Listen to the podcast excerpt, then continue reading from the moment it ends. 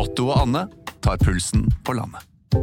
Ja, det gjør vi. Jeg heter Otto Jespersen, og hva var det du het igjen? Jeg heter Anne Grosvold, og hver uke har vi med oss en interessant gjest. Det har vi. Otto og Anne tar pulsen på landet, hører du der du hører podkast. En podkast fra Podplay. Ready? You have the cameras rolling? He was hosting boozy parties in Downing Street. Well, when the president does it, that means that it is not illegal. I have a dream. We will win this election and we will change the country together. Norway's commitment to mutually beneficial commerce is a model for other nations, and it really is. It's an amazing country. Velkommen. Mitt navn er Eirik Bergesen, og dette er vårt nokså uhøytidelige, veldig personlige forsøk på å gå bak ukas nyheter, lete etter sammenhenger, si noe om fremtiden, på jakt etter det store bildet, slik vi ser det. Hver fredag. Også i dag har jeg med meg en vikar for Sofie, og fordi 2024 Altså, det er jo eh, valgenes eh, år. Eh, halve befolkningen i verden skal stemme i over 70 land. Mange av de vet vi ikke er helt ordentlige demokratier, og det aller fremste eh, landet eh, som skal stemme, eh, fordi det er nøkkel i veldig mye av dette her, er jo USA. Så jeg tenkte at i dag må det store bildet handle om USA i 2024, så jeg har med meg og for å korrigere meg eh, kjapt om du er uenig, eh, Anniken. Eh, Norges største USA-ekspert. det er kanskje Sofie som er det, da, men siden jeg er vikar for henne, så får jeg jo late som. Ja, Veldig hyggelig å være her. Eh, Anniken, du er jo da eh, eh, Norges ambassadør til USA. Ja. Anniken Krutnes, du har vært det eh, siden 2020. Eh, og jeg føler, i et land hvor eh, USA-ekspert er den minst beskyttede yrkestittelen, så er, du har ganske gode akkreditiver, som man sier i diplomatiet, til å innta den tittelen. Ja, men da tar jeg den. Ja. og du er hjemme nå på juleferie. Og tenkte jeg, da snapper jeg deg opp, og så hører vi lite grann om ja, hva dette året eh, vil innebære, altså rent, sånn, rent praktisk. Det er veldig mange eh, datoer å holde styr på. Det er en del både eh, valgprosesser og rettsprosesser. Eh, og, eh, og, det er ikke minst, tenker jeg da, en del ting selv våre veldig trente lyttere ikke vet. Både om, om disse prosessene, men også om USA generelt. Norges forhold til USA osv. Så, videre. eh, så veldig, veldig glad for å ha deg her i studio. Veldig, veldig hyggelig å være her. og, og, så er, og så er og så vi, vi, får bare slenge på det at eh, som, eh, som, ambassadør og som diplomat og som stasjonert i USA, så jo, har jo dine, du dine rammevilkår. Eh, handlingsrom. Ja, i hvert fall her i studio, ja. ikke sant? ja. Og så, så, så helt sånn Chatham House Rules er det ikke. Nei, og det er klart Min viktigste jobb er jo å sørge for at forholdet mellom Norge og USA er så godt som det kan være.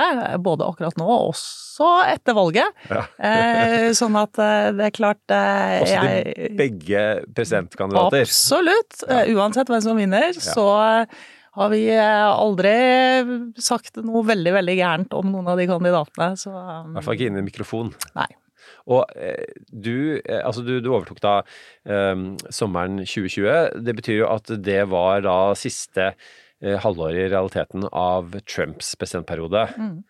Og, og, møtte rett og slett uh, Trump, du, for å motta Trump, akkreditivene? Ja. Ja, ja. for å overlevere mine akkreditiver ja. fra Hans Majestet Kongen da, til, til, president Trump. Ja. for du leverer, ja, du mottar det ikke? Jeg leverer. Altså, det jeg leverer et veldig fint og høytidelig brev hvor det står at ta vel imot da uh, unge Krutnes, for hun er min representant. Ja. Og du ble tatt vel imot? Ja, ja. Jeg ble tatt veldig Han er en hyggelig fyr på tomannshånd, har jeg skjønt? Ja, det er han. Og han er jo veldig til stede og, og, og ser deg. Ja. ja. Mm. Så eh, det var, det var et, et, Altså, det er jo alltid et høytidelig øyeblikk å møte USAs president. Uansett hvem som sitter i den jobben, så er jo embetet i seg selv veldig, veldig eh, tungt, da, skal vi si det sånn. Ja. Og, og det er en høytidsstund. Så Veldig, veldig små, disse kontorene. Ovale kontor.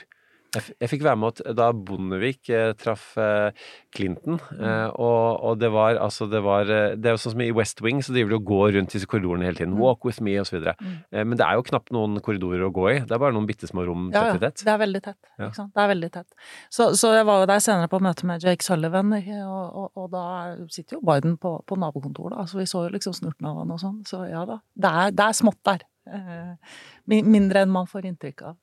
Men så eh, kommer du dit altså midt i pandemien, Mm. eh, så da, da eh, skjønner jeg at, at dere satt jo mer eller mindre på, på hjemmekontor. Selv de utsendte diplomatene. Selv de utsendte, og vi var mange som kom nye den høsten, og eh, vi havna hjemme hos oss selv, da. Eh, Og jeg sitter jo da i den loftsleiligheten min oppå det vi kaller et selskapslokale. Eh, Så, så det var ganske trasig, må kunne si det. Det var, det var et vanskelig år. Hvordan driver man diplomati da? For diplomati er jo er det sånn, the, last two steps, heter det jo. Altså, som de skrittene du tar før du tar noen i hånda. Eh, og så er det over en, kanskje en sånn noenlunde middelmådig kanapé og noe lunken eh, hvitvin, eh, eller noen daffe bobler, eh, så skal man jo da på en måte bygge et nettverk som man får både for eh, regntunge dager og solskinnsdager osv. Ja, vi slapp de kanapeene, da. Ja. vi gjorde det. Nei, det, det, det var vanskelig. Det går jo på Zoom, ikke sant. Dette var jo også før Teams ble det store. Det var, det var mye dårlige Zoom-linjer og mange tekniske problemer. Og så, tenker jeg at det, å, å ha møter på den måten, det fungerer jo hvis man kjenner folk fra før, og hvis man har konkrete saker man skal ta opp. Men det der å komme og si 'hei, jeg er ny i byen, skal vi ta en kaffe', det funker veldig dårlig på Zoom.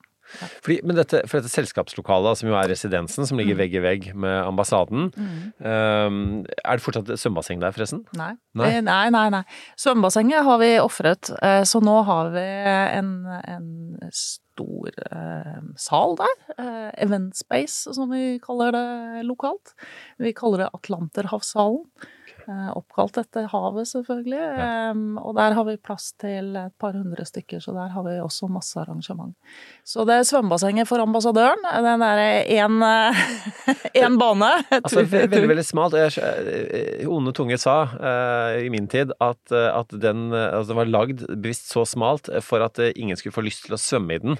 Eh, fordi at da at ambassadøren kunne ha det for seg selv, Ja. og at daværende ambassadør visstnok hadde søkt om en svømmebasseng til eh, de ansatte, og som ble benyttet av denne ambassadøren selv. Ja. Nei, eh, jeg har ikke noe svømmebasseng. Det har ikke de ansatte heller, men vi har da faktisk et lokale som vi kan bruke til arrangement. Ja, og der er det rett og slett over 5000 mennesker som er innom gjennom året. Så, så, så der drives jo utførlig diplomati. Ja. Eh, og i år passerte vi eh, Eller i fjor blir det jo, vi er jo på januar allerede. Men i fjor passerte vi 6500 gjester som fikk servering av et eller annet slag. Ja. Eh, og så hadde vi også en åpen dag hvor det datt innom eh, et par-tre tusen til. Eh, men eh, de fikk ikke noe å spise og drikke. Og eh, hvem var de gjeveste personene i løpet av året? I, em, vi har jo mange gjeve. Vi har jo en del gjeve personer fra Norge også, eh, selvfølgelig. Vi har jo statsministeren regelmessig på besøk, utenriksminister osv., stortingspresidenten. Eh, på amerikansk side så har vi hatt en del eh, tunge senatorer innom, og en og annen regjeringskabinettmedlem. Rett, rett over gata for deg, eh, altså slett sånn eh, Hva blir det? Altså på Rett over krysset, eh, så er, er det en, er jo en veldig jevn person som, som jobber og bor, og det er jo Camilla Harris, visepresidenten. Hun gjør det. eh, Hun bor der. Og, Er det sånn dere eh, vinker til hverandre fra terrassene? Nei, eh, men nå om vinteren når det ikke er noe løv på trærne, så kunne jeg gjort det, for jeg ser inn dit, da. Og så hører jeg når hun kommer hjem, for det, det foregår ikke i stillhet. Selv om det skulle være klokka tre om natta, så kjører de på fulle sirener, og det er en kortesje altså, med tolv motorsykler, åtte biler, en ambulanse og en brannbil. Um, og så innførte Mike Pence, eh, da han bodde der, at man skulle eh, spille nasjonalsangen ved soloppgang og solnedgang. Eh, så det får jeg også med meg hver Ja. dag. Mm. Så det, det har jo Camilla Harris fortsatt med. Ja da, Ja. hun har det. Det er blitt en tradisjon. Ja. Eller så, så er det jo eh, Av og til så kommer det jo da eh, busslaster med mm, ulovlige innvandrere som blir dumpet på bussholdeplassen utenfor eh, Camilla og min sin bolig. Mm. Og jeg, jeg, jeg, jeg tror de er ment for henne og ikke for meg. Du tar huser ikke. Nei, jeg huser dem ikke. Hva, og, og, og grunnen til at de gjør det, er, altså er det, er det Da gjetter jeg at de kommer enten fra Florida eller fra Texas? Ja, de kommer stort sett fra Texas. Ja. Ja. Og dette er jo en av de store, store sakene politisk i USA nå. Det er jo eh, problemene på grensen til Mexico. Ja. Og, og, og, det, det kan vi godt ta med en gang, eh, fordi at eh, det er jo en av, eh, en av de knyttet veldig til en av de andre store nøkkelsakene, nemlig eh, amerikansk støtte til Ukraina, mm. hvor eh, republikanerne har knyttet det til eh, bevilgninger eh, til Mexico-grensen. Mm. og det er jo også en av de eh, sakene som eh, Kamala Harris har fått i oppgave å jobbe med, er Mexico-grensen. En av de tingene som jo eh, i utgangspunktet også er veldig, veldig vanskelig å jobbe med, eh, og som vel hun ikke har noe sånn eh, veldig sånn stor suksess med. Eh, så, så, eh, og dette er jo noe som, som også demokratiske eh, ordførere rundt omkring i landet, som også mottar disse her busslastene med, med flyktninger, sier at Biden må rydde opp i. Ja, selv New York-ordføreren har jo vært veldig, Ja. veldig tydelig på dette, og han er jo demokrat. Og, og, og du nevnte dette med koblingen til Ukraina. Altså, Biden-administrasjonen foreslo jo en støttepakke eh, med, med flere elementer. Eh, støtte til Ukraina, Israel, eh, Taiwan og penger til grensen. Og håpet at dette kunne seile igjennom. Ehm, og, og det kunne det nok gjort, men nå har republikanerne i tillegg til pengene til grensen, så vil de ha endring i politikken. Eh, og det er jo der det butter, da.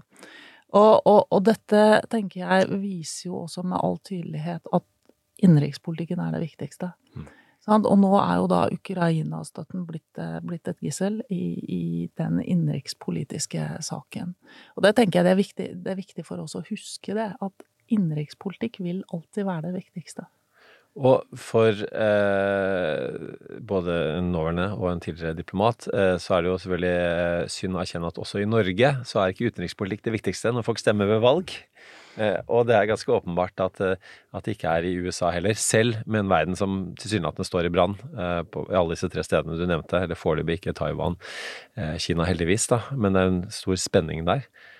Men, men altså dette med altså den, dette grensespørsmålet det er jo også blitt beskrevet av, av forskere som en humanitær katastrofe. Altså det er jo eh, veldig mange mennesker som da kommer til USA. Det er både et Altså, altså En ting er denne muren, eh, som, eh, som for så vidt også vel Biden har, har fortsatt å bygge litt på. Men bare det at, det at du kom, det å komme frivillig nærmest og bare melde seg 'her er jeg', og så søke om asyl. Det er jo snakk om en sånn fire-fem år, har jeg forstått, i, i et sånn rettssystem hvor du da i mellomtiden egentlig kan eh, vandre fritt rundt i USA. Så det så det er jo enighet blant de aller, aller fleste om at det trengs en reform Ja. av den politikken. Eh, Og så er spørsmålet hvordan får man det til? Eh, og enkelte mener jo det at, at det som skjer i Kongressen nå, hvor, hvor man kanskje vil se at administrasjonen blir, blir tvunget til å, å foreta noen endringer, at det kanskje faktisk vil tjene da Biden og demokratene Ja, eh, i valget, for eksempel. De vil nok eh, sikkert ikke få eierskap over den saken noen gang, men, men det kan vise en, en, en viss type vilje til, til kompromiss. Men eh, er det riktig å si også at, at måte, den måten å på måte lage sånn lovpakke på, da, eh, og, og putte mange ulike ting i, eh, for å på en måte nærmest sånn derre Ikke lure, da, men nærmest eh, tvinge motparten til å også stemme på ting de ikke nødvendigvis ville stemme på. Sånn hvis, hvis IRA, da, for eksempel, liksom, Inflation Reduction Act, hvor, hvor man dyttet inn både en del eh, klima- grønn vekst-ting, som kanskje republikanerne ikke var så veldig opptatt av, eh, med, med det sånn America First eh, og, og bygge i USA og, og holde Altså være proteksjonistisk, da, holde utlandet ute, eh, som gjorde kanskje at det var mer vennlig for eh, amerikanere, eh, altså amerikansk næringsliv og dermed republikanerne. At det er at på en måte virker som at republikanerne har snudd dette mot demokratene. Så den pak pakken da, til Ukraina eh, og, og Gaza osv., som nå knyttes nå til Mexico, er litt sånn egentlig en sånn, sånn Bidensk måte å, å drive kongressvirksomhet på. Ja, altså, Kongressen er jo ekstremt polarisert, og, og du viste til Iran, og den, den ble jo vedtatt uten republikansk støtte. Sant? Det var det demokratene, for da hadde de fortsatt flertall eh, og kunne gjøre det. Eh, og det var jo Joe Manchin som var eh, altså denne senatoren som, eh, som kanskje er lengst til høyre av de demokratiske senatorene. I hvert fall hvis vi ser på, på olje og gass. Han er jo en olje- og gassmann. Eh, og fikk jo lirket inn at skal du gi en konsesjon til havvind, så må du gi en til en gassrørledning samtidig. Altså noe, noe av den typen der. Um, nå tror nok jeg det at, at det du, du, peker på, den derre America First-elementet, som jo er i Iran, at, at, det gjør at Iran antagelig overlever, også om det skulle bli skifte i administrasjon. Ja. Fordi at den har ført til såpass mye støtte til bedrifter ute i stater som også er republikansk styrt, at, at uh, det er ingen republikanere som nå kommer og vil fjerne de støtteordningene for sine velgere. Uh, sånn, at, sånn, at, den var ganske uh, kløktig laget, den pakken. Men, men, det vi ser nå, er jo altså, Det er mange måter å beskrive det på. Alt fra kløktige forhandlinger til, til utpressing. Sant? Du kan bruke hele, hele men det, det, er jo ikke noe nytt at politikere forhandler og setter hardt mot hardt. Men, men, men det er jo eh, Jeg tror vi kan si at, at, situasjonen i Kongressen nå er såpass polarisert at, mm. at det faktisk gir seg utslag i store problemer med å få vedtatt noe som helst. Eh, og budsjettet for, for, dette året vi nå har gått inn i, det er jo ikke vedtatt ennå. Det skulle vært i oktober. De fikk det ikke til. De fikk en sånn continuous resolution. Mm. Eh, bytta speaker. Kosta, kosta McCarthy jobben. Mm. Eh, og kommer en ny speaker på som gjør akkurat det samme. En ny continuous resolution. Og nå har de satt to frister. 19. januar skal noe av budsjettet være ferdigforhandla. 2. februar skal alt være ferdig. De kommer tilbake nå på tirsdag i Kongressen inn i januar og skal begynne å snakke om dette. og Da har de altså ti dager på seg, og det, det blir jo spennende å se hvordan det går. Det er jo sånn i politikken at budsjetter blir jo vedtatt til slutt, som regel. Eh, men, men, og også amerikanske statsbudsjetter. Men hvordan tror du det vil spille seg ut, dette? dette det, det virker jo på en måte som eh, kniven er enda mer på strupen enn vanlig. Ja, og øhm, Og så, så, langt har de jo bare altså, skjøvet problemet foran seg. Eh, og, og, det er stor frustrasjon, eh, også blant kongressmedlemmer, og, og, og, også blant republikanere, som sier det at dette her er jo flaut. Hva, hva gjør vi for velgerne våre? Hva leverer vi egentlig av politikk for velgerne våre? Vi sitter bare og krangler og, skyver problemene foran oss. Det, og, det, og det, er det stadig flere som sier. Um, så får vi se, da. Nå har de vært hjemme på juleferie i distriktene sine, snakket med velgerne sine. Så får vi, får vi se om, eh, om, de har fått noen klare meldinger med seg tilbake til Washington. Og, um, det som er interessant med, med denne IRA, den som er, som er den, svære lovpakken, uh, og som kanskje på en måte er blitt stående igjen som, som Bidens fremste meritt eh, politisk i løpet av eh, disse årene, eh, gjør jo nå at folk, som du sier, at man får noen goder som, som, blir vanskelig å ta bort fra folk, og så får man et litt sånn klingende mynt i lommene, både på bedrifter og, og, og kanskje på enkeltpersoner, som, som, inn i en valgkamp som alle andre valgkamper, it's the economy stupid, det er økonomien som gjelder. På hvilken måte tror du det vil spille inn i, i, i valget? Nei, de Altså, alle meningsmålinger viser at et stort, stort flertall som mener at Trump er bedre for økonomien enn Biden er. Um, og altså, de, de, objektive tallene viser jo at økonomien går ganske greit nå. Eh, de, de har ikke krasja inn i en resesjon.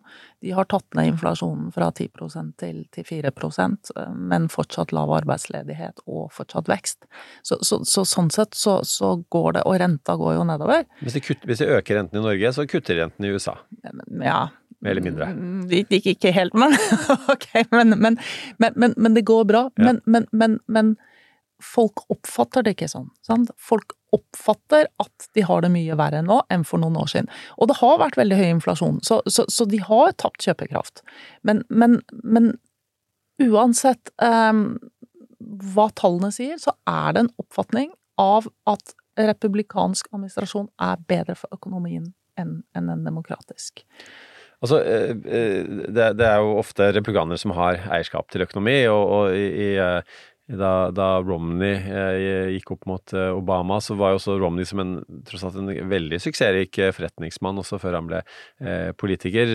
Ble også sett på som en person som hadde den, eierskap til den saken. Og så klarte demokratene, som jo på en måte er deres fremste mottrekk, eh, å si at jo, han, er, han er flink til å tjene penger, men kun til seg selv og de rikeste i samfunnet, mens deg er han ikke opptatt av, den lille mannen. Eh, og, og på en måte så, så mottrekket har alltid vært på en måte at ja, de som er, er- gode eh, på økonomi på republikansk side, er, er, ikke, er ikke det på vegne av alle. Eh, og, og eh, samtidig så, så har jo på en måte Trump vært han De er jo begge incumbents, mm. både Trump og Biden. Begge har vært, eh, vært presidenter. og og, og, Biden, og, og Trump tross alt var president da økonomien gikk ganske bra. Eh, og så glemmer folk kanskje at eh, en av grunnene til at økonomien gikk mye dårligere under, var ikke bare pandemien i seg selv, men håndteringen av pandemien eh, til, til Trump. Men man husker jo en tid hvor ikke bare eh, at økonomien gikk bedre, men også du hadde ikke disse verdenskrigene, og altså ting var eh, tilsynelatende bedre eh, for mange. Og måte, på hvilken måte vil det eh, spille en rolle i folks bevissthet i valget? Nei, altså det er jo som du sier, det er the economy stupid, men det er jo ikke, det er jo ikke the economy, det er hva har jeg i lommeboka Ja, mi, sant. sant? Eh, Og hva får jeg kjøpt for den? Eh, og, og, og det er jo såpass enkelt. Eh, og og jeg, jeg tror jo at eh, det der du viser til at, at den søkkrike, steinrike Mitt Romney ble beskyldt for å, for å bare sørge for eh, høye inntekter til, til visse klasser. Jeg tror Trump har snudd det. Jeg, jeg tror Trump eh, klarer å skape et inntrykk av at han er opptatt av lommeboka til den enkelte som også ikke tjener så mye. Eh, mens demokratene kanskje sliter litt med det. Det, det skapes jo et bilde, fra, selvfølgelig fra, fra høyresiden, av at eh, det demokratiske partiet er elitistisk, og at eh, det er eh, elitene som tjener eh, på en demokratisk administrasjon. Um, ja, det, det, det er veldig komplisert. Det går litt på kryss og tvers, dette her av de, av de klassiske skillelinjene. Det, det er ikke så enkelt lenger. Men hvis vi holder oss eh, til, eh, til pandemien, da, eh, og, Trump hadde disse sjekkene som han passet på å underskrive selv så, Ja, ja, så De ble jo forsinka noen uker fordi at han skulle sitte og underskrive. og, og, altså, så du, alle var helt sikre på at det var, pengene kom fra Donald Trump personlig, ikke fra føderale myndigheter for øvrig. Men, men ikke sant, altså, dette med, det, det er jo mye vi ikke helt forstår med amerikansk politikk her i Norge. Og én ting er selvfølgelig på en måte hvor viktig økonomien er ved valg. I, i norske stortingsvalg er ikke økonomien eh, i hvert fall ikke noen kausal effekt. Det er iallfall ikke eh, avgjørende eh, for, for hvordan folk stemmer. Og du kan, du kan fint regjere over en litt dårlig økonomi og allikevel bli, bli gjenvalgt, og motsatt. Men det som også pandemien viste, var jo på en måte altså myndighetenes tiltak, da, som man etter hvert for så vidt forsto var god grunn til. At man ba folk om å være hjemme, ba folk gå med munnbind osv. Men, men det også er veldig sånn uamerikansk, eh, den type inngripen i folks eh, privatliv. Eh, jeg husker jeg var i USA i påska og var eh, selvfølgelig meget liberale Washington, meget den kanskje mest liberale katedralen i Washington, som er Politics and Prose, eh, bokhandelen, eh, og som er ganske stor, eh, og det var ikke så mange mennesker akkurat da, og dette var jo på en måte etter at pandemien var over, i gåseøyne. Eh, og jeg gikk inn der uten munnbind, mens alle eh, betjeningen, alle åpenbart stamkundene gikk med munnbind, og sjelden fått så stygge blikk noen gang. Følte meg helt sånn maga. Og jeg tenkte sånn at ikke, jeg hadde faktisk munnbind i, veska. Det gidder jeg faktisk ikke å ha på. Det er ærlig talt, liksom. Eh, og det er klart at det eh, det også og Om du er på en ranchen din, langt unna mennesker, de er tusler rundt med munnbind, det er jo Altså, folk føler jo det, Folk har nok kanskje ikke glemt uh, den inngripen den, det hadde i deres frihet. Nei, og munnbindet, jeg så en overskrift i dag, er munnbindene på vei tilbake igjen? Um, men, men, men munnbind ble en politisk markør, eh, og, og vi her i dette landet er jo veldig vant til um, rasjonelle beslutninger, eh, og at beslutninger er tuftet på, på forskning og kunnskap. Og byråkrater. det. og, og så har vi en tillit, sant? tillit til myndighetene. At hvis de sier Og så er den tilliten gjensidig, ikke sant? Og, og derfor kan man ha regler i Norge som sier bruk munnbind når du er der det er mye folk, som på T-banen og sånn. Fordi at vi, vi har en evne til å vurdere dette selv. Um, men den tilliten finnes jo ikke i, i det amerikanske systemet, og, og, og, det er jo en av de store forskjellene, tror jeg. Eh, og noe av det vi ikke skjønner, er hvordan den mangelen på tillit um, uh, gjør politikken annerledes. Uh, men, men, nå sporet jeg litt av fra det med munnbind. Men, men altså uh, Jeg var i Texas under pandemien. Der var det ikke mange munnbind. Og, og jeg var inne på en bar hvor det sto et skilt ved inngangen og så var det satt opp bilde av en munnbind, og så sa det, sto det, ikke sant Please be nice to those who wear mask. They can be good people. Ja. ja. Eh, fordi at noen der ønsket faktisk å ha på seg det munnbindet. Eh, svakt immunforsvar, et eller annet. De ville gjerne, men, men der ble man da hunsa og mobbet ved, ved, å bruke det. sant? Eh, så man måtte minne på at vær så snill, vær grei med de som bruker munnbind. Det kan være en grunn til det, liksom.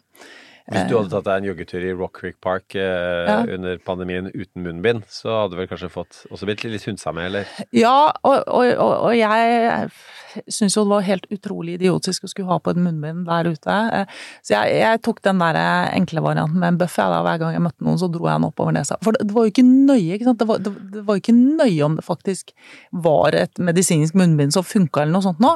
Det var bare symbolikken i det. Det skulle vise at du hadde skjønt og respektert og var på den sida. Så jeg var med den bøffen opp og ned, opp og ned over nesa munnen hver gang jeg møtte noen. Du påberoper deg diplomatisk immunitet, kanskje, altså.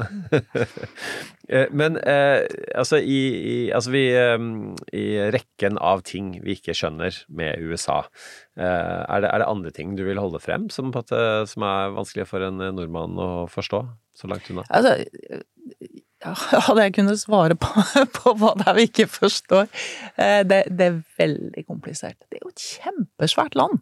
Altså, vanvittig svært. Ja, det er et kontinent.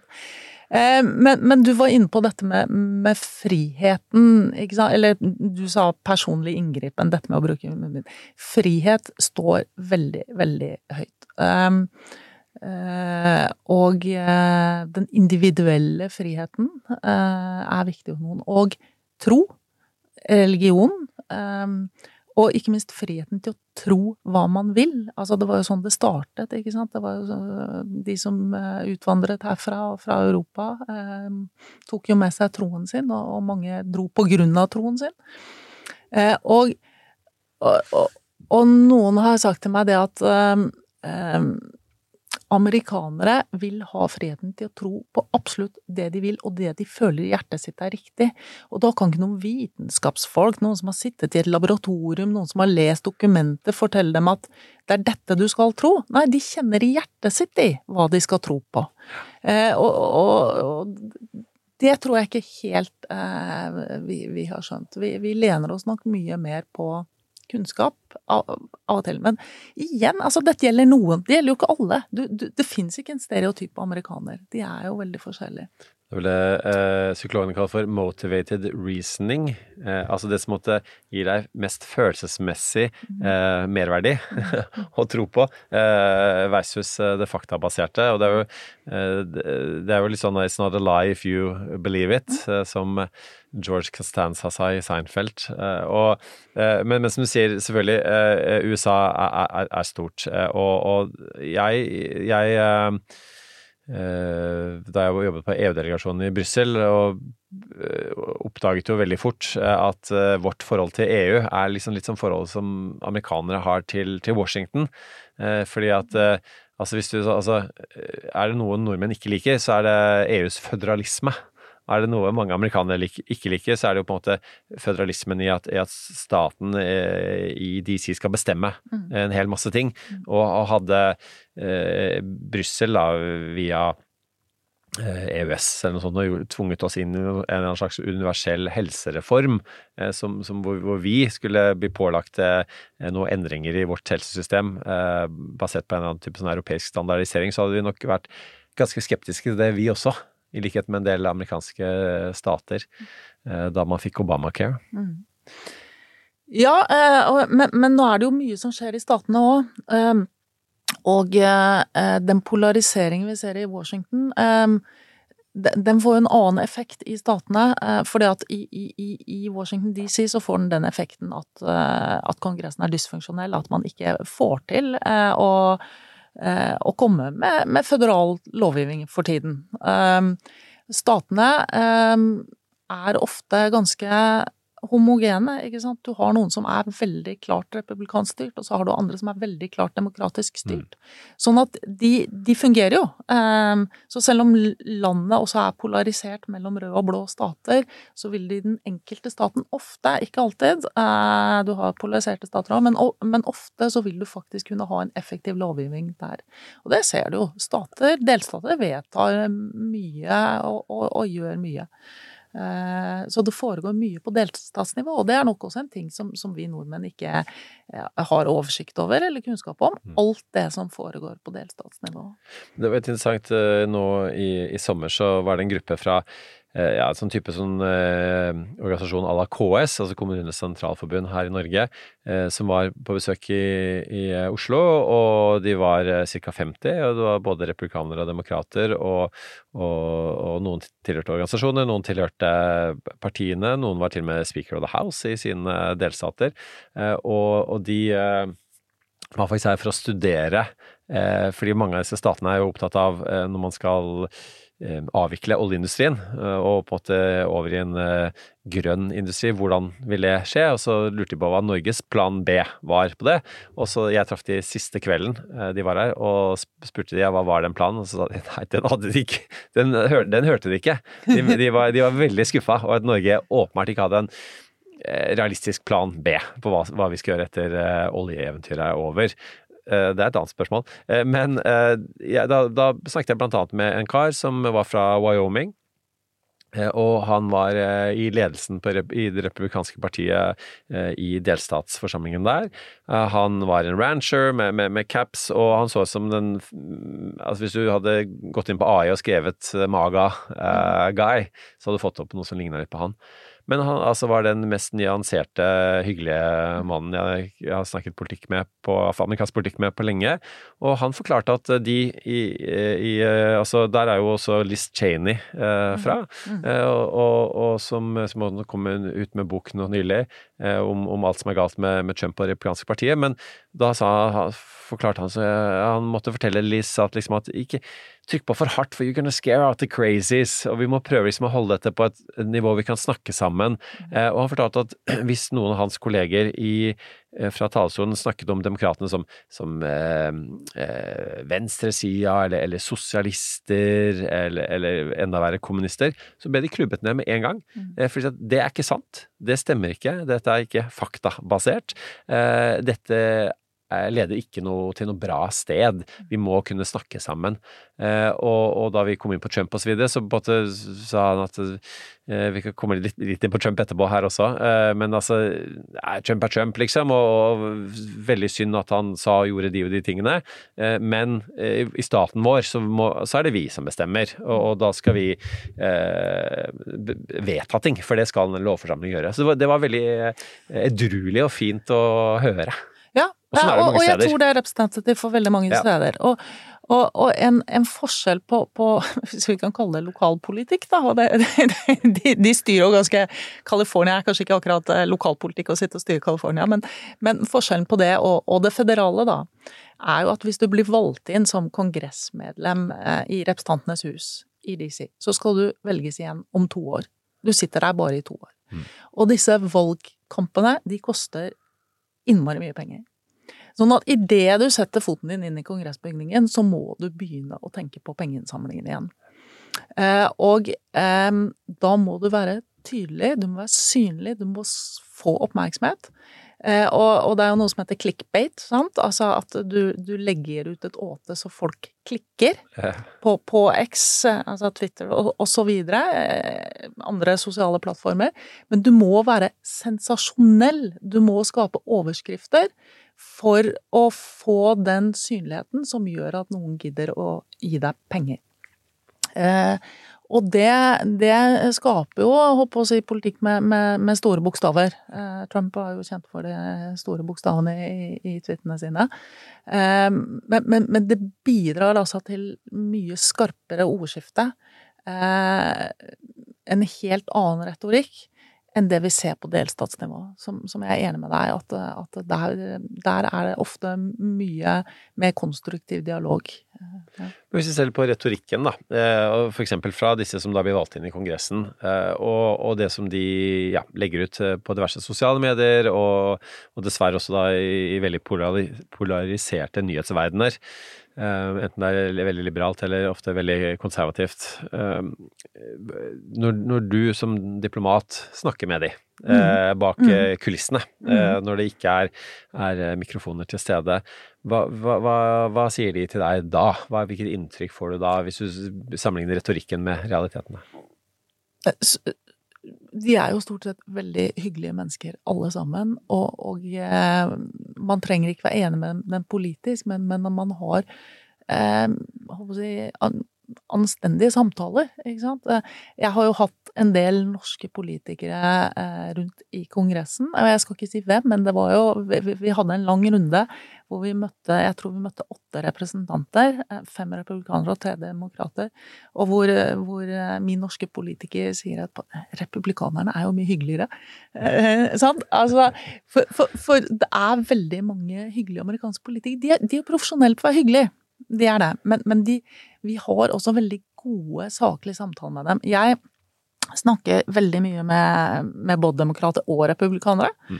Eh, jeg har snakket med medlemmer av Freedom Caucus. Um, et par av dem syns jeg det er vanskelig å forholde meg til. Jeg skal være ærlig på det. Um, men, og, og, og min inngangsport til samtaler er ofte energipolitikk og energisikkerhet. Eh, vi er i en veldig privilegert posisjon i Norge, eh, og vi har en, en vel, Når du snakker om de savna svaret på overgangen fra, fra det ja. Men altså vi, vi, vi, vi, kan snakke med demokratene om alt det fornybare og veien framover. Vi kan snakke med republikanerne om olje og gassen, men også veien framover og det fornybare. Men, men som, som Europas største leverandør av gass så har vi en inngangsverdi også til å snakke med republikanerne. Vi sier hvor viktig vi er for Europa, eh, for energisikkerhet i Europa, hvordan vi har redda Europa fra russisk gass. Vi har overtatt den rollen. Dette er et av mange, eh, mange norske bidrag i, i, sikkerhetspolitikken. Eh, så kan vi snakke om kritiske mineraler, vi kan snakke om supply chains, altså forsyningskjedene. Eh, hvordan Norge kan spille en rolle der, sånn at vi ikke blir avhengig av Kina. Og så kan man etter hvert også si at men i dette bildet så er det faktisk også viktig med amerikansk støtte til Ukraina. Ja, For det er noe av det eh, aller viktigste dere gjør nå om dagen? Det er noe av det aller viktigste vi gjør nå om dagen. Eh, og jeg har snakket med Altså, jeg, hadde en samtale med en som er i Freedom Caucus. Han, han gleder seg veldig til Trump blir valgt, men sier at det er bare begynnelsen. Det, det viktige kommer etter Trump, liksom. Men når jeg spør ham hvorfor, når du er så opptatt av frihet, du er så veldig opptatt av frihet, hvorfor hjelper du ikke Ukraina i deres kamp mot fred? Nei, for det, det vi gjør nå, det hjelper ikke, og jeg hater å kaste bort penger i et hull som ikke bidrar til noe. Mm. Men hvis vi hadde klint til ordentlig og gitt dem langtrekkende missiler, og virkelig, da ville jeg vært der. Det kan hende han sier det bare når han snakker med meg. Eh, de liker jo å være hyggelige og si ting de tror de vil høre også, innimellom. Eh, og, de sier ofte det som passer dem. Men, men, men, men det, altså, det går an å snakke med dem. Det går an å ha saklige samtaler. Det er jo også en del nye i Kongressen som er der for første gang.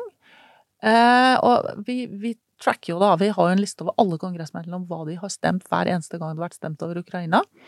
Eh, og så har, går vi målretta på de vi tenker det kan være lurt å snakke litt med. Ja. Um, og da, da, har vi jo en fyr som vi har sett som, som, de første tre gangene ikke stemte. Han visste tydeligvis ikke hva han skulle stemme, og så har tydeligvis noen snakket med han, og nå stemmer han mot. Um, jeg traff han, og han var jo helt blank. Han, han, han hadde jo ikke noe kunnskap om, om utenrikspolitikk i det hele tatt. sant?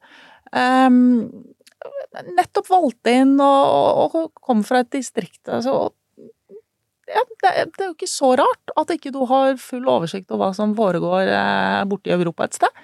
Um, men, men bare det å snakke med dem er, er utrolig nyttig, for du er en stemme som de ikke alltid får i sitt eget ekkokammer, da, for å si det sånn. Mm. Så um, Å ja, de er hyggelige. Sektor Alarm presenterer Barn som lyver om nøkler. Jeg var ute og spilte fotball med gutta, og så la jeg nøkkelen i gresset, og så kom det noen struts, da, eller en flamingo eller noe sånt, og bare tok nøkkelen, og så ble han borte, bare, nøklene og strutsen, eller spurven. Sikkert. Uansett, akkurat nå har Sektoralarm kampanje på boligalarm og dørlås med kode istedenfor nøkler, slik at barna alltid kommer hjem til en trygg bolig. Les mer på sektoralarm.no.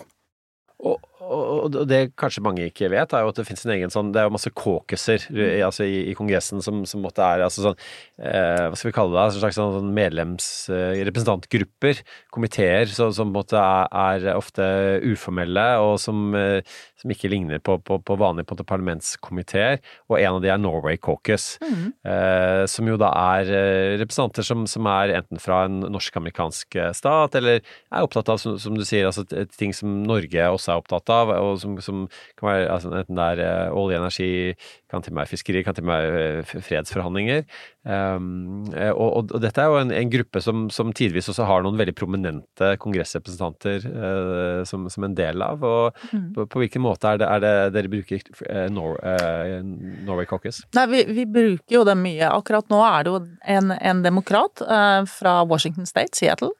Og så er det en republikaner fra Nord-Dakota, som, som sa hør og bør. Eh, og og eh, vi har stor nytte av dem. og og eh, en av de sakene vi er opptatt av, er jo å få en avtale med amerikanerne om kritiske mineraler. Dette henger jo sammen med IRA og det å komme inn under subsidieordninger og så og um, det har vi jo argumentert for overfor administrasjonen, som sier at ja, men Kongressen Og så sier vi jo, men vi tror egentlig Kongressen er enig. Og da går vi til Norway Caucus, og, og, og de har jo da skrevet et brev til administrasjonen som er signert både av demokrater og republikanere. Og vi er jo veldig opptatt av at Norway Caucus skal ha to, to ledere, eh, co-chairs, en demokrat og en republikaner. Og, og de eh, har faktisk da eh, i, i flere tilfeller tatt opp ting med administrasjonen for oss, og vist at de som kongress er, er støtter saker og sånn. Så vi bruker dem veldig aktivt. Det. Men det med kritiske mineraler er jo et litt sånn kontrasielt spørsmål eh, i seg selv. Eh, Kan ikke du si, litt mer om, om hva som ligger i det? Ja, nei, altså Det som kanskje er mest kontroversielt, er jo det at Norge nå har sagt at de skal vurdere muligheter for å se på, på utvinning på havbunnen. Ikke sant? Eh, men, men, men det er jo langt fram i tid, og det skal skje mye før vi kommer dit. Eh, Men vi har jo allerede masse mineraler på land i Norge eh, som, som delvis er utviklet, og hvor det er også potensial for mer. Men, men vi rett og slett blir en, eh, altså et alternativ da, til kanskje til Kina. Kina, rett og slett. Et, et eksempel er kobolt, hvor, hvor vi faktisk nå er den største leverandøren til USA eh, av, av kobolt. Um, eh, ja. Og, og i Iran er det jo sånn da at for å, for å få støtteordninger så må disse mineralene komme fra USA, eller land USA har frihandelsavtale med, og det har vi jo ikke. Så det er der vi prøver å lirke til en avtale. EU prøver også. EU har ikke lykkes så langt, um, så vi får se hva, hva vi kan få til. Men, men, men det er krevende. Det er, det er veldig vanskelig, og dette henger jo sammen med proteksjonismen som vi ser i USA nå. Som, som også gjelder Biden, ikke sant? Så Ja, det er eh, fullt Absolutt. America first, både i, på denne IRA-lovpakken, altså, som er fra å rom, om, altså Inflation Reduction Act, som er mye mer enn Inflation Det Reduction. har ingenting med inflasjon å gjøre i det hele det tatt. Men det, det passer veldig bra å si det den Ja. gangen, da Ja. inflasjonen var veldig høy, eh, men som kanskje først og fremst handler om da, altså industriutvikling og, og, og klima, Mm. og overgangen til, til, til grønn vekst. Eh, Men, men Det er jo, det er jo en, det er virkelig en Hva er det Altså eh, en utrolig viktig lovgivning. Det er eh, industripolitikk. Og det har man jo ikke tradisjon for i USA. Eh, og Biden har først kommet med en infrastrukturpakke som, som han Den var bipartisan, den, den var republikanerne med på, det, og det trengs jo å gjøres noe med infrastruktur eh, mange steder. Og så kom denne Inflation Reduction Act, som rett og slett er industripolitikk, grønn industripolitikk. Hvordan skal man snu disse tapte arbeidsplassene i kullindustrien og den tradisjonelle bilindustrien osv. til moderne, grønne arbeidsplasser? Det er jo det det handler om veldig mye. Skape arbeidsplasser. Um, og, og, hvis du skal uh, virkelig få en god samtale med en kongressrepresentant, så, så, drar du dit og sier 'så mange arbeidsplasser skaper Norge i ditt distrikt'. Ja. ja. Det er da, da, får du en god prat. Ja. Og eh, en, en, annen ting som, som Eh, i tillegg på en måte hvor store vi er på kritiske mineraler, som kanskje folk ikke tenker så mye over, er på en måte hvor store vi er i, støtte til eh, Ukraina. Ja, eh, fordi da, vi er kjempestore. Noen, ja, da har du virkelig noen argumenter å slå i bordet på. Vi er vel er vi på fjerdeplass rett og slett i, i reell økonomisk størrelse? Eh, på militær bidrag. På militær bidrag ja, Kiel-instituttet har noe statistikk som, mm. som, viser det. Altså, tall og statistikk er jo alltid eh, krevende. Eh, og eh, det er jo ulike måter å måle dette på, ikke sant. Og, eh, og hva er lovt, hva er faktisk levert, osv. Men Kiel-instituttet, som av veldig mange er veldig anerkjent, opererer da med oss på fjerdeplass i reell støtte. Per capita er vi selvfølgelig suverene, men det, det er vi jo ofte. Ja. ja. ja. Mm. Også, men, men, ikke sant, også, det er nå én ting, det, det helt konkrete, faktuelle. Men, men, når du snakker med Kongresset Og så vet vi også at demokratene også er jo blitt mer og mer skeptiske til Ukraina-støtte, som, som, du sier, i den grad at, at det, det, må jo skje et eller annet på bakken. Ting må eh, flytte seg litt, fordi at, for at det er jo mye av skattebetalernes penger som går, går, til dette. Så man må se en eller annen type eh, utvikling. Men, eh, men hvis du tenker mer sånn det idémessige, da, det, det, at eh, Vesten tross alt kom sammen eh, og, og, og, støttet eh, det, det, svaret som, og den enorme motstandskraften, kanskje uventede, fra ukrainerne. Eh, og, og, man på en måte kanskje paradoksalt fikk en sånn veldig samling om eh, Nato i, i Vesten, eh, og på en måte demokratiet opp mot eh, trusselen eh, mot demokratiet, og, og, begynte også å se kanskje enda mer, med, enda større skepsis også til autoritære trusler fra, fra Kina. Eh, og vi skjønte at vi måtte gjøre noe med, med, med kritisk infrastruktur også eh, når det gjaldt eh, Kina, og det, det, det vi, vi, handler fra de. Men den derre eh, Hva tror du nå i valgkampen? den Eh, altså den ideen om måte å stå sammen da, eh, i det internasjonale demokratiet, hvordan det vil eh, være for en amerikansk kongressrepresentant?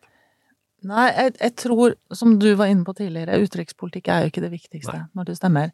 Men, men, det jeg tror, når du sier det at det koster jo skattebetalerne mye penger Det er, det er jo ingen tvil om at det er en økende skepsis i USA til eh, den økonomiske støtten til Ukraina, eh, budsjettstøtte til Ukrainas budsjett, humanitær bistand og alt det.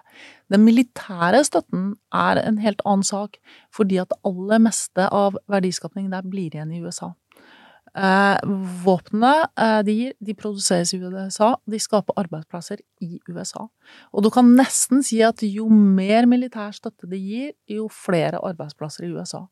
Eh, og, og, dette er et argument som faktisk eh, en del på republikansk side også er, er, opptatt av, og det er det de kan selge ute i distriktene. Når de drar hjem til sitt eget valgdistrikt, så tror jeg det at Se her, eh, vi har faktisk eh, åpna en ny fabrikk her som produserer ammunisjon. Eh, er ikke det flott, folkens? Hvis, hvis, vi skal fortsette det, så må jeg stemme for denne støtten.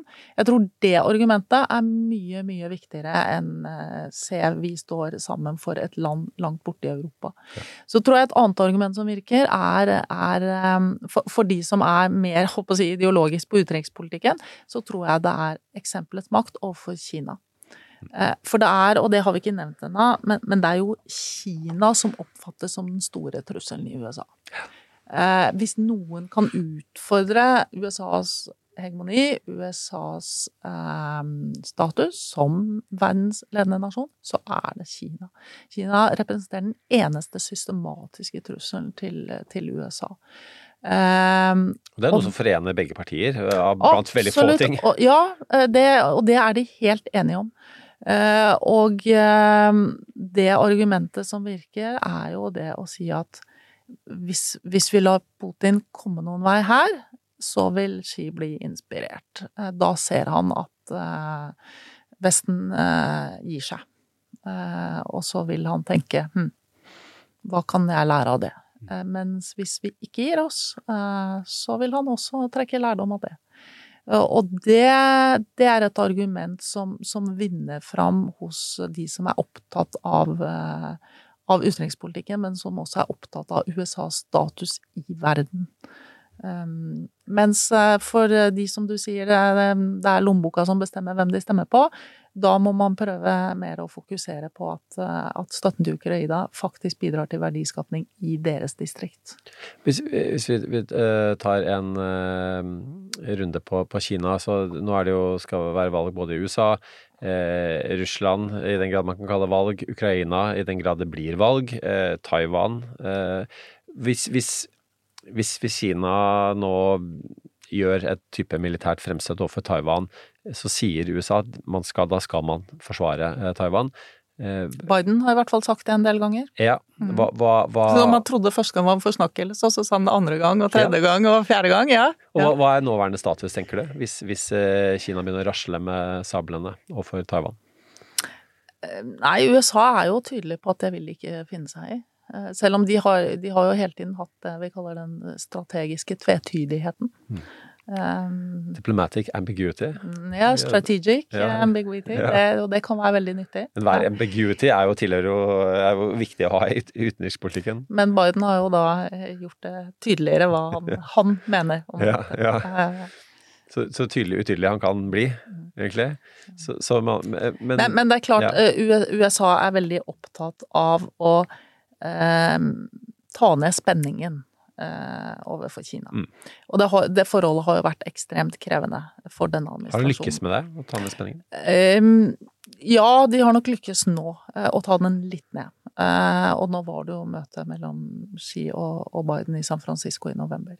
Ehm, det, det var jo en, håper jeg å si, mye på gang da, da disse ballongene kom svevende. Ja. og, det, og det førte jo til et halvt års utsettelse på det som måtte være planlagt av møter videre. Kinesiske spionballonger, eller, Ja. eller var det værballonger, eller hva var det? Hvem vet, hvem vet. De ble jo skutt ned, i hvert fall. Ja. Men, eh, men jeg tror det urovekkende var at amerikanerne oppdaget at de hadde jo egentlig ingen å, å snakke med på kinesisk side om hva disse ballongene var for noe. Mm. Og det er ugreit. Eh, Så en målsetning fra amerikansk side har rett og slett vært å, å, få en kommunikasjon på høyt nivå. eh, Hvor man kan ta telefonen og, og få avklart misforståelser. eh, For å unngå en unødvendig eskalering av en konflikt. Og det er jo ekstremt viktig. Vi har jo det selv, ikke sant, med, med, med russerne. Vi må kunne sørge for at, at eh, ikke bare, bare ulykker og misforståelser skal, skal eh, føre til en konflikt. Eh, Men amerikanerne er eh, Her er det jo litt sprikk. Kongressen har en del hauker som gjerne vil man skal ha en veldig, veldig tøff retorikk overfor Kina. Eh, Mens administrasjonen er opptatt av, av avskrekkingen, og det, det er man jo. Man skal avskrekke Kina. Eh, Og derfor så så, så er jo da, som vi snakket om tidligere her, eh, støtte til Taiwan en, en del av eh, den store utenrikspolitiske pakken eh, til Biden. Eh, Men det man ønsker er altså deterrence, som vi sier på engelsk. Avskrekkende. Mm. Mm. Og, og man, man investerer også, man oppretter nye baser i, i landet, i regionen. Eh, og amerikanerne bruker jo alle virkemidler i regionen, altså diplomatiske, økonomiske, militære, alt, eh, for å Mm. demme opp for Kinas innflytelse. Men eh, vi må innom Midtøsten nå, for det er mange opptatt av i Norge. Norge har jo hatt en rolle eh, å, å, å spille der også. Og så vet vi at eh, det er sikkert eh, noen norske diplomater òg, men ikke minst amerikanske diplomater, eh, driver veldig sånn hektisk eh, skytteldiplomati bak kulissene. Eh, og, og så virker det eh, eh, via eh, offentligheten som om eh, USA har på en måte omfavnet eh, Israel eh, ganske grundig og har, har stemt ned eh, våpenhvile, eh, resolusjoner i FN. Hvordan hva, hva tenker du er USA sin plan fremover når det gjelder eh, situasjonen i Gaza? Nei, USA um, sier jo høyt også at deres plan på sikt er palestinsk styre. Eh, og at palestinerne må ha en egen stat, og at det fortsatt er tostatsløsningen de er ute etter. Og der er de jo da eh, ikke enig med Netanyahu. Mm. Eh, og de er veldig tydelige på det. Eh, så, det er den løsningen USA ønsker på sikt, eh, og sier høyt. Vi vet også at USA jobber, som du sier, i kulissene, og, at de De prøver å få Israel til å begrense den militære aktiviteten i Gaza. Samtidig som, som, du jo sier, de stopper ikke støtten sin til Israel. så, så, så, så de, de, de balanserer veldig fint her, og, og igjen, innenrikspolitikken spiller jo en rolle her. Og amerikanere flest er jo veldig, veldig støttende til Israel. Eh, de har et ekstremt tett forhold til Israel. Så ser vi at, eh, at eh, situasjonen nå på Gaza gjør inntrykk på en del amerikanere. Mm. Og særlig innenfor Det demokratiske partiet. Og at der er det tendenser til opprør. Og at dette er en sak som faktisk skaper splittelse og strid internt i Det demokratiske partiet. Og, eh, for du, du, sier at, at eh, Biden eh, balanserer fint. Noen vil kanskje mene at han balanserer ikke så fint? Ja, fint. Altså, det, det, det er en krevende balanse. Ikke sant, ikke sant. Jeg skal ikke si noe om det resultatet nei, nei, jeg, jeg her, men, men jeg det jeg prøvde å si var at dette er en vanskelig balansegang ikke, for ham. Ikke sant. Mm. Og, og, og, men, men, men, fordi her, igjen, her kan det virke som om Eh, noe av den verdensopinionen som måtte ha, snudd seg eh, delvis eh, mot det Israel gjør, også på en måte har snudd seg mot det USA måtte gjøre, uansett hvor, hvor gode intensjoner man har, uansett hvor, hvor eh, balansert man, man, prøver å være. Eh, og altså, i hvilken grad Du sier, vi har snakket mange ganger nå, at, at, at utenrikspolitikk er ikke så viktig ved et amerikansk valg, men, men det hvor mye reflekterer amerikanerne over eh, på en måte den der ganske store, tross alt, da, internasjonale engasjementet for palestinerne? Eh, noen gjør det. Noen gjør det. Men, men, det er jo ingen tvil om at det, det er israelerne de har et forhold til. Og, og det, altså, eh, USA har jo gitt Israel militær støtte i, i lang tid. Og, og, når man har snakket om Ukraina, og, og hva med Ukraina på sikt, ja. og hvilke sikkerhetsgarantier skal man kunne gi Ukraina, så har jo liksom Israel-modellen vært nevnt som, som en mulighet, sant. For, fordi at den støtten USA gjennom eh, tid har gitt til Israel, den er liksom Den er så grunnleggende. Og, og, og de er Ja, de, de, de er tette, og, og nær alle republikanere vil jo si at uh, de kan gjøre hva som helst for Israel. Um, nei. Det er, det er, unntak, selvfølgelig. altså Nå for, forenkler jeg her. Men, men, men uh, vi har jo sett da at, at uh, på demokratisk side så er det litt mer uh, nyansert, og, og, og at det som skjer på Gaza, gjør inntrykk. Er det, er det i hele tatt er det noe realisme i at USA på, på, sikt i hvert fall, eh, sier til Israel at, at uh, nå må dere faktisk eh, tone ned eh, krigføringen, ellers så, så stopper vi eh, militær deler av den militærstøtten. Ja, det, altså Dette blir spekulasjoner, sant. Dette blir spekulasjoner. Men, eh, og de vil nok neppe si det offentlig. Eh, men jeg tror det pågår ganske tøffe samtaler, og, og forsvarsminister Austin har jo vært i Israel, og, og de beskjedene han ga, tror jeg var ganske tydelige.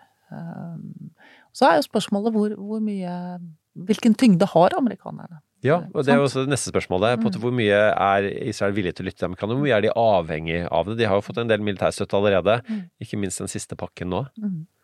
Hva, tenker, hva er svaret på det? Nei, det, nei, det, får du spørre Israel-eksperten om, tenker jeg.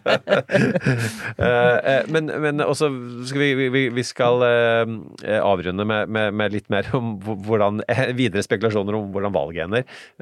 Ref spekulasjoner her. Men, men, det er klart at altså Ikke bare er jo på en måte flertallet av de med jødisk herkomst stemmer jo på Demokratene, men et flertall av de med Mm. arabisk herkomst stemmer også på Demokratene. og, og det har jo ført til at eh, en del, en del viktige vippestater, sånn som Michigan, eh, har gjort at eh, Biden har gått fra et solid flertall til, til nå at, at Trump har overtatt ledelsen der. Og hvis man legger til de unge også, da, i, i, i, det, i denne formelen, så kan jo til og med den saken tross alt da være med å sette eh, valg, valget i spill for, for Biden. Hvor, hvor viktig blir det for han på en måte også fram, fram mot valget selge inn eh, en eller annen type, om ikke en fredsavtale i Midtøsten, så, så en eller annen type prosess, da. Fredsprosess. Hvor USA er i førersetet. Bidens eh, største utfordring ser ut til å være å mobilisere de unge, eh, og mobilisere de fargede. Eh, Og det er klart for, eh, i hvert fall for de unge, så, så er dette en viktig sak for mange av dem. Men, men, men, men, men hele Midtøsten-problematikken er jo ekstremt krevende. Eh, Og, og eh, USA jobber jo hardt, som du sa, i kulissene også, eh, for å unngå en, en videre eskalering av konflikten utover um, der den allerede er. Ja. Og Rødehavet er jo uh, en del av det det jobbes mye med. Ja. Ja. Eh, og eh, det skal vi sikkert eh, komme tilbake til med en Midtøsten-episode snart, med, med folk som kan veldig mye mer enn en oss to. Men det er klart at det er jo et viktig aspekt også, som også har, har vært en, skal vi si, en eskalering i, nå i romjulen på, på, på en måte det eventuelle altså regionale ringvirkninger av dette. Eh, Men, men for å, for å eh, altså, snakke helt konkret om, om valget, altså de sakene som faktisk vil avgjøre, der er vel eh, abort kanskje fortsatt eh, Mm. en av de fremste sakene, og ikke minst det, det som, som eh, eh, demokratene håper mest på, eh, som vil mobilisere eh, eh, ikke minst eh, unge, da. Nei, det er jeg helt enig i. Eh, Abort eh, er, eh, er en vinnersak for demokratene. Republikanerne er i utakt med sitt eget parti på, på den saken. Eh, Så det er en sak som demokratene håper eh, skal avgjøre valg for dem. Det er, det er jo utrolig eh, spennende, dette valget. Eh, Men det sier man hver gang, Ja. sant? Og hver gang sier man dette er det viktigste valget. Men nå er, dette er faktisk det viktigste valget. Det er et veldig, veldig viktig valg. Og så er det jo det, ikke sant, at det er så tett at det er liksom de fire-fem prosentene på midten som avgjør det hele. Og det er, det er jo også fem-seks vippestater. I fem-seks vippestater. Og det er jo veldig sementert, da. Altså, de som stemmer republikansk, de gjør det, og de som stemmer demokratisk, gjør det. Og så er det noen få som kanskje er litt eh, kan ombestemme seg, eller ikke helt har landa og sånn.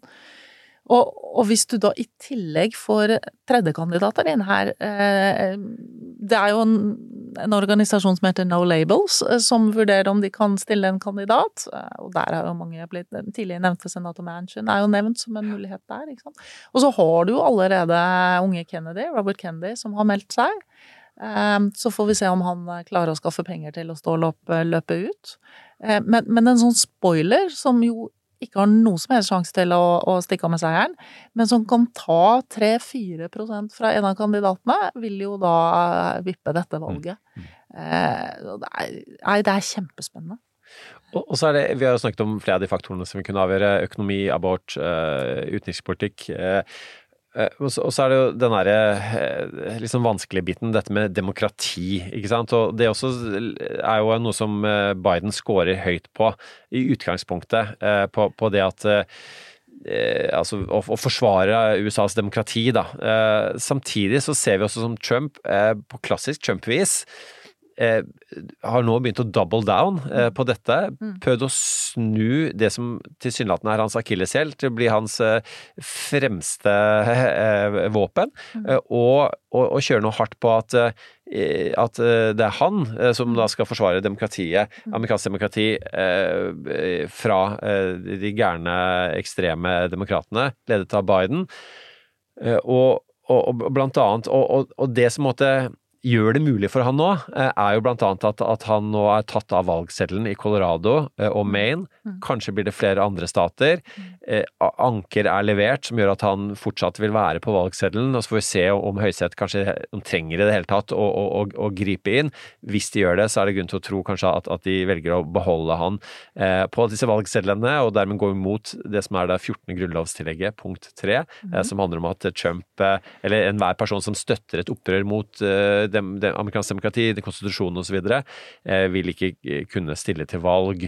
Eh, fordi det Trump da sier, er at eh, altså de tillater ikke engang meg retten, min demokratiske rett, til, til å la meg velge.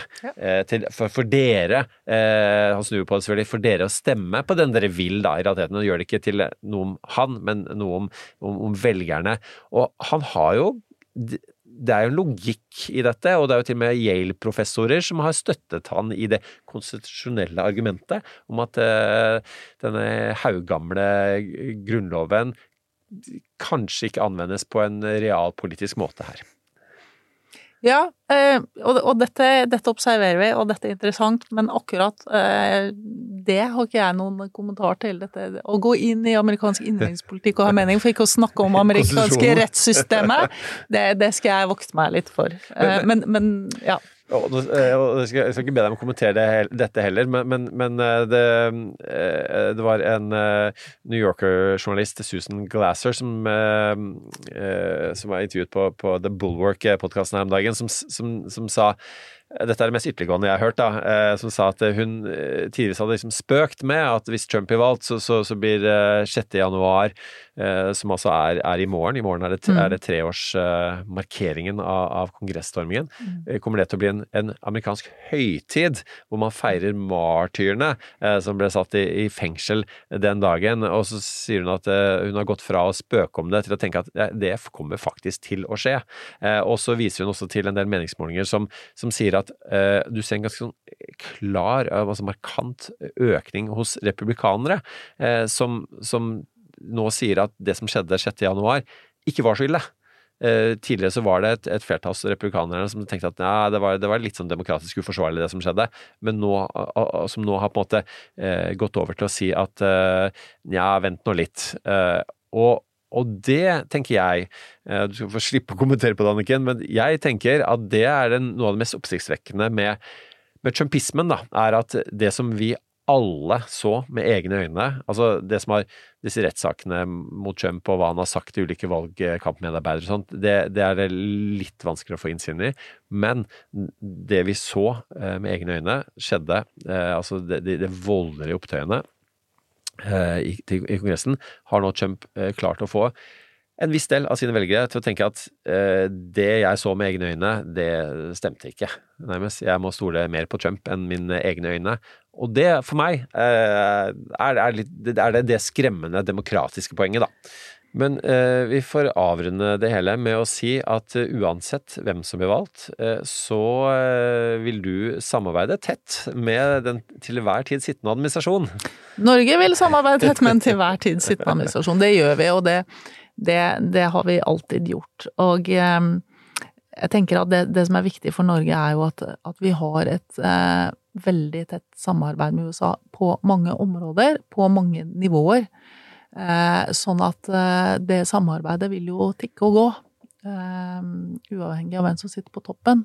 Og det, og det, er veldig viktig at, at vi håper å si, at det, det puslespillet av alle de bitene, at det er tettest mulig. Både med avtaler på delstatsnivå, Eh, vi kan fortsette et samarbeid med California på klima, med, med Washington State på ferger, elektrifisering av det, osv. Altså at vi med, med, med, Florida, for den saks skyld, på næringspolitikk. Altså at vi har et tett eh, rammeverk av ulike avtaler og, og, og uh, et samarbeid på, på, mange ulike områder, mange ulike nivå. Eh, så samarbeider vi alltid med den som sitter i Det hvite hus, og så vil, eh, vil det samarbeidet være bredt eller smalt, eh, litt avhengig av eh, hvor mye vi er enige om politisk. Men det er klart, det er veldig viktig å, å finne de områdene hvor vi kan gjøre ting sammen, og, og de, det som eh, engasjerer både amerikanerne og oss,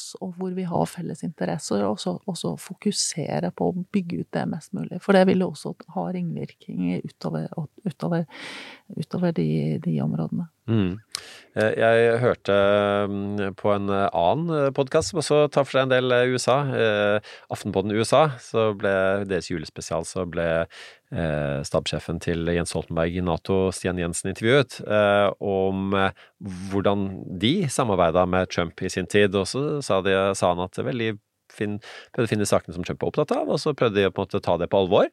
Eh, og så sa han også at eh, Eh, og det er jo for så vidt eh, altså mer penger til, til, Nato, enda mer europeisk eh, involvering osv., som man for demokratene og for også Nato kunne være eh, involvert, eh, være enig i. Eh, og så, så, kommenterte han på en mulig ny Trump-presidentperiode som at man må kunne puste med magen, i hvert fall. Er du, er du enig i den biten? Du vil puste med magen selv om Trump blir valgt? Um, ja, vi må, jo, vi må, jo, alltid puste med magen, men ja. det er klart, det er jo eh, han, Sist han var president, så, så, sa vi jo at vi må, vi må, se på hva han gjør, og, og ikke hva han sier. Sant? Og, ek, eksempelvis, altså vi, han, han, snakket jo mye om Nato, og vi var jo redde han skulle trekke USA ut av Nato osv. Han gjorde jo ikke det, og, og, det var jo faktisk flere amerikanske stykker på europeisk jord da enn, en tidligere. Så han, han, faktisk gjorde jo kanskje noe helt annet enn det han sa, men men, men, det er jo uforutsigbarheten som i seg selv er, er, en utfordring. Eh, det må vi jo kunne si. Ehm, og eh, vi tror jo at en ny Trump-administrasjon vil, vil, være annerledes enn den første. Eh, det kan jo hende at Trump selv også ble litt overrasket sist, og trengte litt tid på å organisere seg og finne folk osv. Denne gangen er han klar. Og, og vi det, det fins jo eh, program som viser en del av det han har tenkt å gjøre. Eh, og eh, det er jo mange som, som er bekymret for, for, det han sier at han vil gjøre nasjonalt, da, med administrasjonen, kutte administrasjonen med makt til presidenten, osv. Eh, men igjen, vi må jo alltid puste med magen, og vi må finne de områdene hvor vi som eh, en eh, tett alliert kan samarbeide med, med USA, med den til enhver tid sittende president. Det var ja, rimelig diplomatisk og rimelig realpolitisk, Anniken. Da skal vi avslutte med ukas av- og påkobling.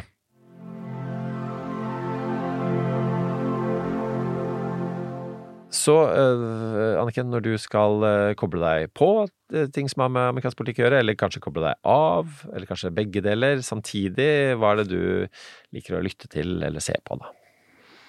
Nei, altså, når jeg skal koble meg av, og sånn som jeg har gjort det litt nå i jula, så, så må jeg innrømme at jeg har storkost meg med siste sesong av Fargo. Um, ja. ja. Fra Minnesota, Nord-Dakota, med med sheriffer som leder militser og osv. Jeg, jeg syns det har vært eh, veldig morsom underholdning. Ba basert på en virkelig historie, sies det?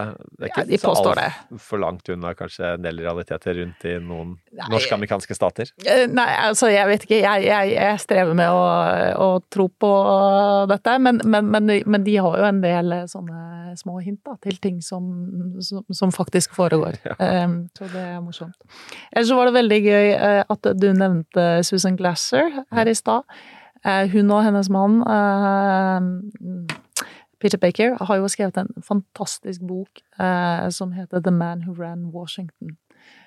og den, den, har jeg kost meg med. Den handler om James Baker, den tredje, som jo var utenriksministeren til Bush, Bush senior.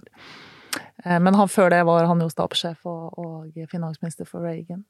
Eh, og det sies jo om han at han, han, er kanskje den personen som aldri har vært valgt da, politisk, som har hatt mest makt i Washington. Det er en fascinerende, fascinerende historie. Så siden du nevnte henne, så, fikk jeg lyst til å nevne den boka. Den kan anbefales. Den har ikke jeg lest, så den, den, skal jeg absolutt lese. Så kan jeg slenge på en annen Susan Glasser-bok. The, The Divider Trump in the White House, som er en sånn eh, en, Kanskje en av de aller beste, syns jeg, eh, gjennomgangene av, av Trumps fire år i, i, i Det hvite hus. Og kan også da legge til den podkasten som, som jeg nevnte, hvor hun var med, altså Bulwark, som jo da er disse her never-trumpersene hos republikanerne, som, som, også har mye god innsikt i det republikanske partiet fortsatt, og som da fortsatt ønsker iallfall at en annen enn Trump skal, skal vinne valget, og som da for så vidt i disse dager relativt aktivt støtter Biden. da. Og så kan jeg slenge på én ting til. Ja. Og det er jo da eh, Brett Bayer, som er eh, programleder hos Fox News. Han skriver av og til historiske romaner. Og han har skrevet en om Ulysses Grant, um, som heter 'To Rescue the Republic'. Den viser jo til valget i 1876 som var omstridt, og man visste ikke helt hvem som hadde vunnet det. Han nedsatte da en valgkombinasjon eh, som avgjorde det hele. Men eh, det er også en, en, en, en morsom bok å lese. Det har stormet i amerikansk politikk før. Det har det. Si det, sånn. det har det. Valget i 1860, da, da eh, Abraham Lincoln ble valgt, og det ble borgerkrig. Og valget i 1968, da som endte med at Nixon ble valgt, men hvor eh, Lyndon B. Johnson først stilte, og så trakk seg til New Hampshire, og både RFK senior eh, og Martin Luther King ble drept i politiske attentater, enorme demonstrasjoner, voldelige, dødelige. Eh, så, så, på en måte vi får håpe at man ikke er i nærheten av, av det, i hvert fall.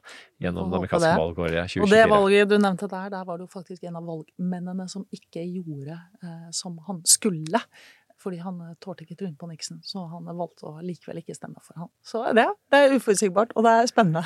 det er som Donald Rumsfeld sa, det er known unknowns, og det er masse unknown unknowns. Det er mye som selv de mest trente USA-ekspertene ikke kan uh, forutsi. Ja, men det er spennende.